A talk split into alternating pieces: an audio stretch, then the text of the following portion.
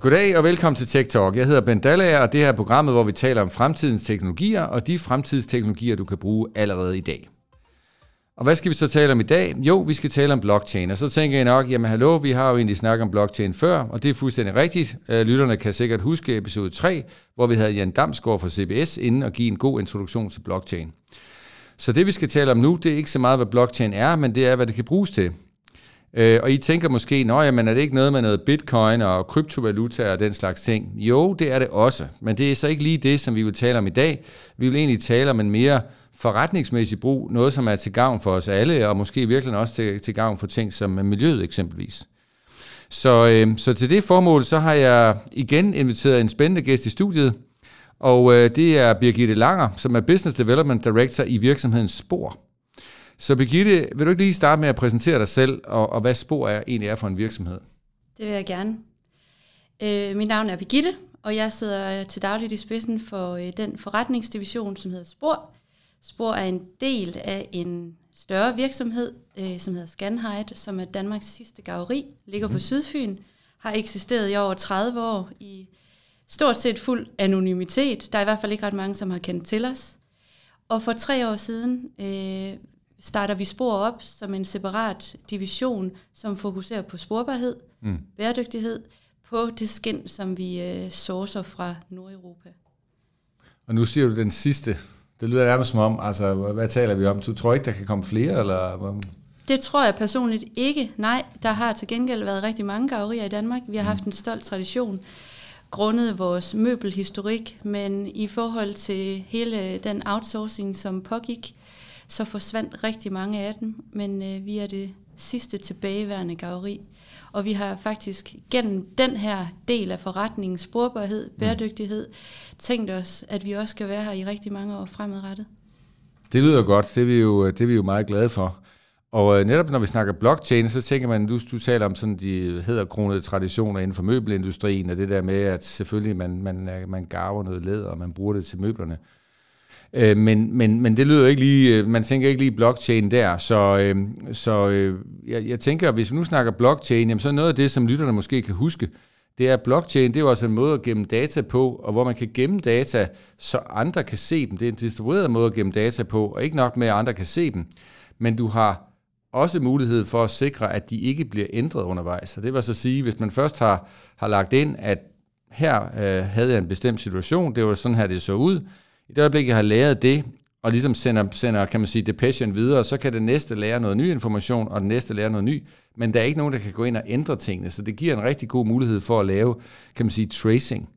Øhm, og det er i hvert fald en af de ting, som, som blockchain kan bruges til. Øh, så jeg tænker, øh, er der noget, du vil tilføje til det, Birgitte? Nej, det er der faktisk ikke. Ja, for det er vel også det, altså når, når, når jeg nu har inviteret dig ind her, så er det jo netop fordi, at vi taler lidt om, om det her med at bruge det i praksis. Så, så ja, det er jo fint, at jeg kan gemme noget, noget data i nogle forskellige blokke. Øh, det er jo, det er jo nydeligt. Men, men hvad er det sådan konkret, som I gør? Øh, man kan sige, at blockchain er jo ikke noget værd, hvis du ikke har noget data. Så hele forudsætningen og grundforudsætningen for det, vi laver, det er, at vi har jo et enormt analogt produkt, skin. De her skin er alle sammen sourcet ansvarligt og produceret ansvarligt. Det vil vi gerne kunne dokumentere igennem mm. sporbarhed. Så hvert enkelt skin, som går igennem vores gaveri, får et unikt nummer, som har direkte reference til irtag på det dyr, som har levet. Ja. Og derigennem har vi alt dokumentation på, hvor er kalven født, hvor den opvoksede, under hvilke forhold, har den levet et øh, organic liv, ja. øh, hvornår blev den slagtet og hvordan. Og alt det data kan vi jo så fuele ud og bruge og provide ind i en blockchain-løsning for de brands, som ønsker at gå i den retning med deres data og dokumentation. Okay. Og hvad, hvad, hvad, hvad var det egentlig det, der gjorde, at det, at det, at det blev uh, blockchain? Altså, hvordan kom det egentlig i stand? Hele det pilotprojekt, som vi har været en del af, har været et samarbejde mellem Lifestyle og Design Cluster, CBS, Rockamore Sko, og så også i spor med vores læder, hvor vi ønskede at demonstrere, at vi egentlig kan trække alt det her data ud til en slutforbruger, og egentlig kunne kommunikere et klart budskab igennem en QR-kode i en mm. Rockamore sko, som egentlig fører øh, kunden, eller den potentielle kunde, hele vejen med ud på den mark, hvor konen egentlig startede sit, sit liv. Okay. Har I navnet på konen med også? Eller? Det kunne vi godt have, ja. så man kunne se, okay, jeg går nu rundt i øh, efterladenskaberne fra Louise eller et eller andet. Øh, men, men, men, men det vil så sige, altså så helt konkret siger du, at, at, at hvis jeg køber en Rockamore sko, så vil jeg så, så er der så en QR-kode på, så jeg kan ligesom rette mit kamera ned mod den, og så får jeg, så får jeg noget op der, siger du? Ja. Ja. Så det vi helt konkret gjorde i den her case, det var, at vi valgte én sko. Mm-hmm. Og til sourcingen af læderet, der skulle bruges til den her style, der definerede vi et bestemt område i Jylland, ja. hvor vi ønskede at source vores læder fra. Okay.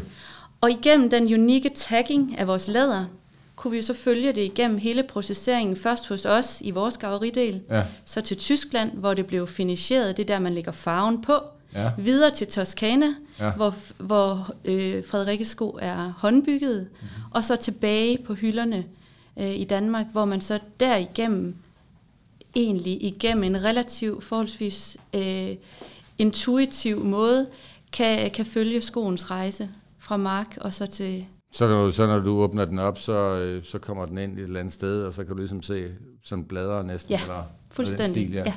Ja, men det kan være, jeg ved ikke, om vi kan lægge et link ud til det, det kunne man godt forestille mig, vi, vi kunne gøre, ikke? Altså, så, vi lige kan, så man lige kan se, så lytterne eventuelt kan se, hvordan det ser ud. Øhm, og nu sagde du, I valgte ligesom en sko, altså det, vil det så sige, at det er en bestemt model, I valgte, eller? Det var en bestemt model, vi startede Okay. ud med, og som vi har lavet hele det her Ja. blockchain-pilot-casen på. Ja, alright. Er det en, man kan købe nu, eller hvordan? Det er det, ja. Ja, Og øh, Frederikke har heldigvis øh, arbejdet videre med sporbarhed, så nu, kan, nu har hun faktisk en sporkollektion okay. hos sig. Dog ikke baseret på blockchain-teknologi, Nej. men hvor vi har taget en masse ting øh, ved lære egentlig Ja. af casen, Ja. øh, men hvor hun kan egentlig føre gennem vores dokumentation skoen tilbage til Mark. Ja, nu, og nu, og nu kan man så sige, når I ligesom gik ind i det der projekt med noget tracing, altså var det, var det sådan, I, I tænkte over, altså havde der været nogen efterspørgsel efter det, eller hvad var det, der gjorde, at det jo egentlig var interessant for jer at, at, at gå ind i det? Først og fremmest så er øh, skin jo egentlig et, hvis ikke et biprodukt, så et co-produkt af mejeri- og fødevareindustrien. Mm. Så så længe øh, verden drikker mælk, spiser skyr, spiser kød, så vil det være huder. Ja, Øhm, og i fødevareindustrien, der er sporbarhed license to operate. Du kan ikke sælge fødevarer uden sporbarhed. Mm. Det er ikke øh, samme tilfælde i mode- og livsstilsindustrien. Og derfor var der nogle fremsynede mennesker, øh, øh, som, som ligesom sagde, godt grundet det data og den dokumentation, vi har gennem fødevareindustrien, kunne det jo også være på et tidspunkt, at mode- og livsstilsindustrien kunne finde det her relevant. Og jeg kommer selv med en baggrund fra retail, og Ja. så det med et helt andet sæt øjne. ja, Det er sådan, at Scanhide øh, egentlig er 98% ejet af Danish Crown. Og derigennem har vi selvfølgelig enormt store mængder data tilgængeligt. sorry. Så, øhm, så det var ikke sådan, at vi stod og havde en masse kunder. Tværtimod var der rigtig mange, der sagde, nej tak, vi skal ikke bede om sporbarhed. Og hvor vi egentlig lavede øh, en fuldstændig vend på hovedet strategi. Så i stedet for at sidde og pushe det ud i markedet, så Mm. lavede vi en pull. Så nu øh, er hele vores øh, strategi i virkeligheden at gå ud og banke direkte på ude ved brandsene, Okay, som vi ved, Ja. vi deler fælles værdi ja. øh, og visionssæt med. Og så igennem deres værdikæder arbejder vi så igennem og sikrer, at råmaterialerne er fuldt sporbare. Og hvordan mærker I det? Altså, fordi det er, jo en, det er jo en helt anden ting. Det er jo det her med, at man bruger øh, kan man sige, teknologien og det digitale til i virkeligheden at fremme den miljømæssige agenda, altså hele ESG-agendaen. Altså, kan, kan I mærke der, at der er en, en øget opmærksomhed omkring de her ting, når I nu er ude og, og banke på? Du sagde lige før, at I havde nogle kunder, som sagde, nej, det synes vi ikke er nogen god idé. Altså, hvordan ser det ud nu? Jeg vil sige, øh, da vi startede det her projekt op for tre år siden under covid, Ja, Øhm, på de tre år, det er signifikant, hvor meget både verden har forandret sig, mm. og efterspørgselen er steget. Og øhm, der er forskellige øh, årsager til, at man vælger at arbejde ind i vores koncept. Mm. Øhm, men ESG-dagsordenen fylder rigtig meget. Så det, så det virker som om, I er ligesom på the, på the right track, når det kommer til at, at have gået ind i det. Jeg vil i hvert fald sige, at vi har haft tiden og timingen med os Ja, i forhold til projektet. ja.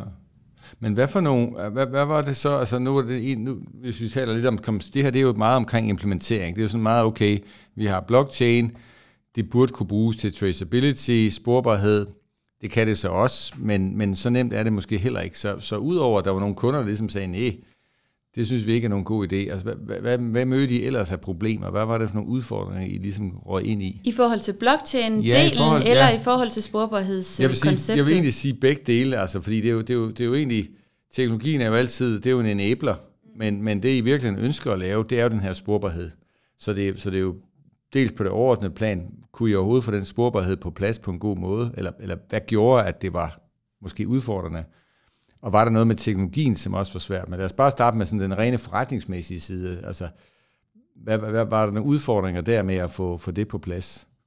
Man kan sige, så længe vi selv ejer råvaren, fra at vi modtager råhuderne ude fra slagterierne, ja. til vi får det processeret, alt det dokumentation, det er jo i virkeligheden i så nemt. Ja. Der, hvor det bliver udfordrende, det er lige så snart, vi bevæger os videre i forsyningskæderne, og vi skal, ligesom skal have addet ting ind. Og lige præcis derfor at tage det sammen med blockchain-teknologi, giver den jo rigtig god mening, mm. fordi det netop ikke kan ændres. Ja. Øh, så lige så snart du har lavet dit hash, jamen så, øh, så er døren lukket, ja. og du vil kunne se, hvorvidt dataen er blevet ændret, ja. og i givet fald også, hvem der har været inde og ændre i det. Så ud fra sådan et mass balance point of view, er det jo ret tydeligt i en værdikæde at ja. se, okay, lad os sige, der er gået 10 huder ind, mm. og der gik 10.000 par sko ud, så er der jo et eller andet sted i kæden, hvor vi kan finde ud af, hvor det gik galt. Ja. Så den transparens, som vi får igennem blockchain-teknologi, passer rigtig godt hånd i hånd med det, vi egentlig er drevet af. Ja, så man, så man kan hele tiden holde øje og ligesom finde ud af, også ikke bare som forbruger, men altså også som, som den, som er en del af den her supply chain, at finde ud af, at der er et eller andet galt her. De kan jo muligt have lavet for 10 huder, så laver de 10.000 sko, der er something is rotten. Ja. Men hvad med for eksempel, nu nævnte det med tyskerne, Uh, der var en tysk, uh, tysk favori, uh, går ud fra, at vi taler om, ikke? Ja, et færdigt gaveri. Ja, at, at, var de med på den, eller hvad sagde de, da, da I ligesom kom op med den her idé? Det er klart, det, det her det er jo helt nyt for vores branche. Ja. Og det, som man tidligere måske har anset som værende en konkurrencemæssig fordel, og noget, man egentlig ønskede sådan at protekte mm. i forhold til viden, og ikke ønske at dele sine ja. Øh, kompetencer. Og, altså, det, det er nyt, det her ja. med at åbne dørene op, som ja. vi jo i virkeligheden også gør med sporbarheden. Øhm, men de kom med på det, og jeg tror, årsagen til, at vi har lykkedes med det, det er det her med, at vi sidder jo ude i første led i en supply chain, ja. og så har Rockemore siddet i den anden ende, ja. og vi har begge to faciliteret det ind ja. igennem øh, forsyningskæderne. Så derfor har der været et ønske og et pres fra begge ender til, at det her det skal vi lykkes med mm. sammen. Mm. Var, der, var der nogle særlige udfordringer i kæden der, som I løb ind i? Altså noget, hvor da I ligesom begyndte at bygge det op, hvor du, hvor du kunne se, okay, der var et eller andet her, som, som vi lige skal justere. Der var et eller andet, der gik galt måske i starten. Jeg tror, den største udfordring, vi havde, var faktisk øh, CBS's CBS' begejstring for alt det data, de kunne få i hænderne. De var, altså, de var helt vildt begejstrede for alle de datapunkter, vi havde, lige fra, hvor meget har konen vejet, og ej, det er fedt. Men hvor at, jeg tror, jeg påtog mig ret hurtigt den rolle at sige, giver det værdi? Giver det værdi for hende kvinden, som skal købe de her sko? Nej, det gør det ikke. Så mere den der begrænsning i, hvor meget vi egentlig skulle provide ind ja. af data, ja. det fandt jeg ud af, måske var der, hvor jeg kunne byde ind, fordi øh, det var hurtigt med at finde ud af, hvordan skal vores, vores roller være i det her, og så måske også noget projektstyring på og noget ambition om, at vi lancerer altså her i februar, og der skal vi være færdige. Ja, men det kunne være fedt, hvis vi havde et halvt år mere. Men det har vi ikke. Vi skal lancere, og så må vi øh, gøre det øh, så godt vi kan sammen i det her perspektiv. Altså det, det er jo, det er jo en, en, rigtig, kan man sige, en rigtig god betragtning, og jeg kan sagtens se det for mig, at de ligesom sidder der, hold da op, det var da helt vildt, det var meget vejet den, og hvad er den født, er den født på sød mælk, eller hvad er sådan en eller anden japansk ko, vi har gang i, øh, og du har da fuldstændig ret, altså ligesom forsøg at holde det lidt nede, fordi det skal også implementeres. Altså det, det er jo en, et, et, et godt tip til enhver, der sidder derude og tænker på at implementere teknologi. Husk nu, you know, keep it simple. Um, så så den, er jo, den er jo ret perfekt. Øhm, hvordan har det så været, altså når, når du så har, har været ude og, øh, for jeg tænker, at det, det vækker en vis opmærksomhed. Nu siger du netop, at I, I var jo en slags pionerer i det her felt her. Hvad har, hvad har de reaktioner været? Der, altså en ting er jo, kan man sige, nogle kunder og så videre, der har øh, været inde i det her. Men er der andre, der har reageret på det? Altså har du, har du fået en opmærksomhed også fra CBS, har du selvfølgelig fået det, fordi det var en del af det. Men er der andre, der ligesom har tænkt, oh, det var da egentlig interessant det der, Birgitte. Kunne du ikke øh, komme og fortælle lidt om det, hvordan I gjorde det? Først og fremmest så var vi faktisk en håndfuld brands, der var med under det her projekt og pilotprojektet øh, øh, igennem Lifestyle og Design Cluster. Mm. Og vi har jo mødtes i forskellige regi, både i forbindelse med sådan, øh, kommunikation omkring det, vores oplevelser, for, fordele, ulemper og udfordringer undervejs. Ja. Så det har været sådan en lille blockchain-familie, vi har haft undervejs i forløbet. Men ja, der har været rigtig meget opmærksomhed omkring det. Og i starten var der også rigtig mange, som forvekslede og egentlig connectede ind, at spor handlede om blockchain, mm. og vi faktisk havde en stor opgave i at fortælle, det er faktisk ikke det, det, det handler om, men det handler om, at vi er i stand til, for de brands, som arbejder med læder, og egentlig provide det data, som I skal bruge i fald I ønsker at arbejde ambitiøst med konkret data. Ja, ja, ja for I forsøger at løse et forretningsproblem. Og teknologien, okay, det er så blockchain, men i virkeligheden er det en, en enabler, som kunne være noget andet, og det er vel også det, du siger her, at, at, at lige nu, øh, så sidder Rockamore og har arbejdet lidt videre på det, men ikke nødvendigvis med blockchain. Hvad, hvad har været grunden til, at de ligesom er gået, altså nu kigger også ind i nogle andre teknologier, hvad, hvad har været det, der har været afgørende for det? Jeg kan sige overordnet set for vores samlede sådan, evaluering på hele piloten, så noget af det, der kom bag på os, mm. det var faktisk, da vi sådan skulle øh, publicere, og vi skulle gå live, at det var vigtigt for både Rockamore og også for os, ja. at det her det blev venligt, forbrugervenligt, at ja. det ikke blev nørdet for nogen, som ja. ikke egentlig var den målgruppe, som skulle ud og købe de her sko. Ja. Så det, der var vigtigt, det var lige netop, som jeg øh, snakkede om lidt tidligere, det her med, at det skulle være intuitivt, det skulle være noget, som var med til at opbygge købsoplevelsen. Ja. Øh, så hvordan konverterer du hardcore data til noget kommercielt og til noget, som er med til at underbygge og opbygge en kundeoplevelse. Ja. Så der hele UX-delen blev faktisk en rigtig, rigtig stor udfordring til sidst, og lidt en bottleneck, for, som var lidt uset for os alle sammen. Øhm, så den, den havde vi rigtig store udfordringer med. Ja. Og så var det jo en begrænset periode, hvor efter vi ligesom lukkede selve løsningen ned, og så skulle, skulle vi sammen finde ud af, hvordan kommer vi videre, og der fandt vi andre muligheder. Men man kan sige, for vores del i spor nu, så har vi opbygget en datainfrastruktur, som gør det muligt for os at fuel vores data ud i alle mulige forskellige retninger. Så har vi et stort brand, som arbejder med blockchain-teknologi, mm. så kan vi hjælpe der og fuse vores data ind igennem den kanal. Er det en database, kan vi også køre det derind. Og har vi små niche brands, som skal bede om et Excel-spreadsheet, så kan vi så også kan levere også det på den måde. Men det betyder så, at I har arbejdet rigtig meget med data i virkeligheden. Altså, hvad har det betydet for jeres forretningsmodel? Jamen, i virkeligheden kan man sige, at spor handler om data. Så hovedproduktet pludselig er blevet data og dokumentation, og biproduktet er egentlig vores læder. Okay. Det lyder, det lyder virkelig som en transformation. Vil det så sige, at det faktisk har en betydning, om man har data på skinnet? Betyder det noget sådan rent kommercielt? Det betyder rigtig meget, og nu talte vi tidligere om ESG-dagsordenen. Altså vi har jo kunder, som vælger øh, vores skin og vores løsning, fordi de har behov for at få for eksempel CO2-udledningsdata på deres råvarer, hvilket vi er i stand til. Og jeg har lige vist jer min fine taske, som jeg lige har fået, inden jeg kom her i studiet, øh, af et brand, øh, som lancerer lige om lidt, som netop har været rigtig meget interesseret i LCA-beregninger helt fra gårdniveau, mm. og hvor vi jo egentlig kan levere det ned på enkeltskinsniveau. Okay, så vi, så vi er sådan set nærmest der, hvor at, at i princippet, så hvis I har et skin, så hvis, det er, hvis de er to lige gode skin, så må man helt klart gå efter der, hvor der er data på, og måske endda lidt dårligere skin, hvis det er. Altså så vigtigt kan data måske være. Det ved jeg ikke. Jeg, jeg vil sige, at rigtig mange af de brands, vi arbejder sammen med, de øh, værdsætter høj kvalitet ja, af deres læder. Så jeg tror ikke, det er sådan, at, vi ønsker, at de ønsker at gå på kompromis, men dataen fylder øh, langt, langt mere for mange brands, end det gjorde for bare, lad os sige, de der tre år siden, da vi startede op.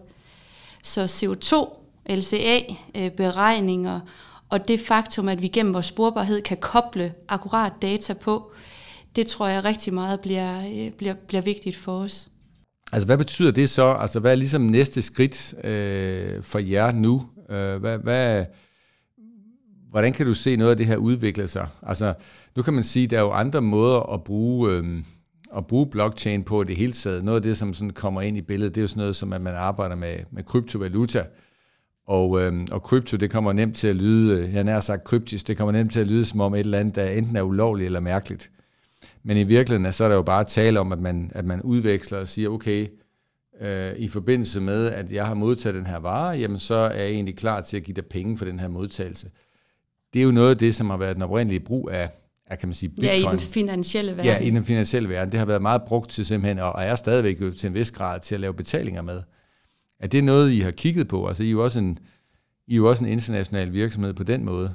Øh, og, og, og lige præcis hele det her med at, at, at, at have penge ind og ud, og bare køre i en, øh, i, kan man sige, en slags egen valuta, i stedet for at man ligger og laver valutaskift. Er det noget, der har været tænkt over, eller? Det er selvfølgelig noget, vi er kommet omkring i den proces, vi har været igennem, men ja. jeg vil sige, at der er nogle andre ting, jeg synes personligt, som er langt mere interessant, ja, ja. og det er nogle af de uh, lovforslag, vi ser rigtig meget drevet via EU mm. i øjeblikket. Mm. Alt lige fra uh, ja, Digital Product Passports. Vi har for nylig lavet et samarbejde med Fritz Hansen, ja. hvor vi uh, gik sammen med et firma, som hedder MyCollect, mm. som er et tech-firma, hvor vi implementerede små chips i deres møbler, polstret i spor og læder, og hvor vi egentlig igennem teknologien der ved at holde med NFC-chips, ja. egentlig kan følge produktet, ikke kun til første ejer, men også i registrering af reseller-mindsetet, og hvor du kan spore møblet helt tilbage via vores data til farm level. Så tanken om, at vi kan begynde at følge med produktet, ikke bare til første køber, men hele vejen til mm et sådan helt cirkulært ja, ja. endedestination, sådan helt vugge, synes jeg vugge. selv er mega interessant, og også hvis man tænker blockchain ind i det regi.